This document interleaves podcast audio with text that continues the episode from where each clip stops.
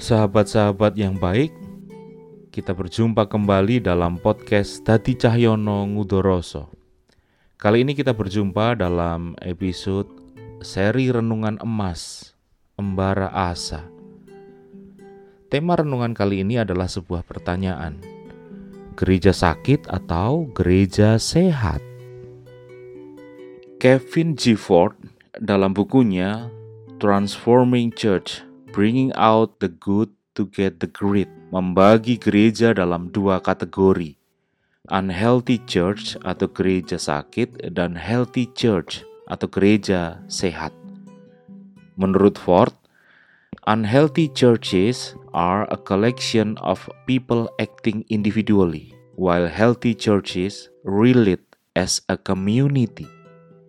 Gereja sakit adalah sekumpulan orang yang bertindak secara individual, sedangkan gereja sehat berelasi sebagai sebuah persekutuan atau komunitas. Ford menyebut dialektika unhealthy church versus healthy church sebagai dialektika antara consumerism versus community. Dalam consumerism church atau unhealthy church, atau gereja yang sakit. Warga jemaat dipandang sebagai konsumen atau pelanggan yang menjadi pusat perhatian untuk dipuaskan keinginan-keinginan rohani pribadinya. Orientasinya adalah kepuasan konsumen. Para pelayan gereja sibuk memikirkan bagaimana memuaskan selera konsumennya. Mereka menjaga betul Jangan sampai ada satu saja warga gereja yang merasa tidak puas dengan pelayanannya. Prinsip yang dipakai, konsumen adalah raja. Karena itu, dirancanglah kegiatan-kegiatan yang dinilai akan memuaskan warga jemaat. Sebaliknya, dalam community church atau healthy church atau gereja yang sehat, warga jemaat menghidupi kesadaran bahwa dirinya adalah gereja itu sendiri. Kebersamaan dengan warga jemaat lainlah yang membuat gereja itu ada. Fokus warga jemaat bukanlah berupaya memuaskan keinginan-keinginan rohani anggota komunitas, tetapi berjuang untuk bisa memenuhi visi Kristus. Pendapat Ford ini senada dengan apa yang ditulis Rasul Paulus di dalam Filipi 2 ayat 1 sampai 11.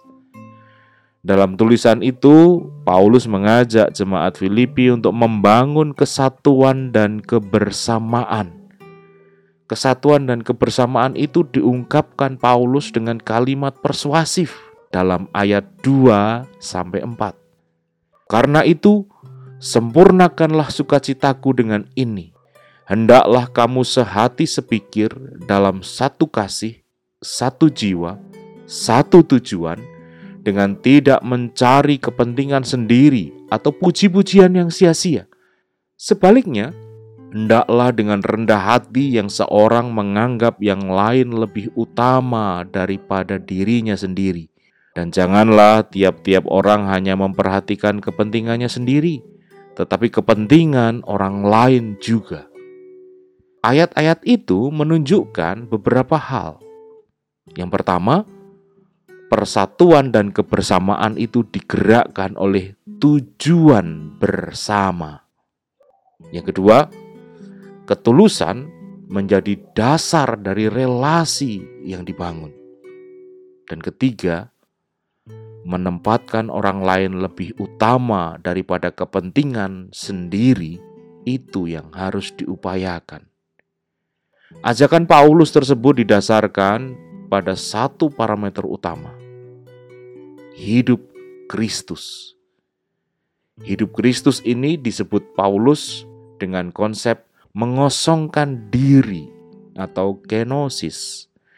Dalam konsep pengosongan diri, Kristus yang setara dengan Allah rela menjadi hamba, sama dengan manusia, bahkan hingga mati di kayu salib.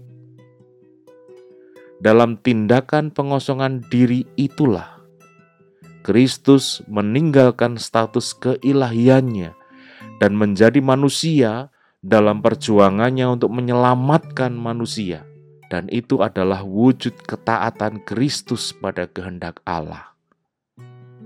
Nah, sekarang mari kita jujur pada realitas kita. Mari kita melihat diri kita dan gereja kita masing-masing.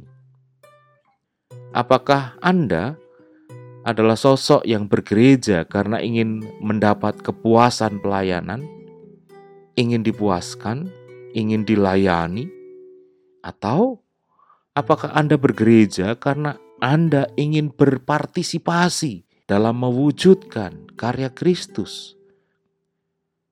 Apakah gereja Anda sibuk memuaskan anggotanya, atau apakah gereja Anda berjuang agar kasih Allah dirasakan banyak orang?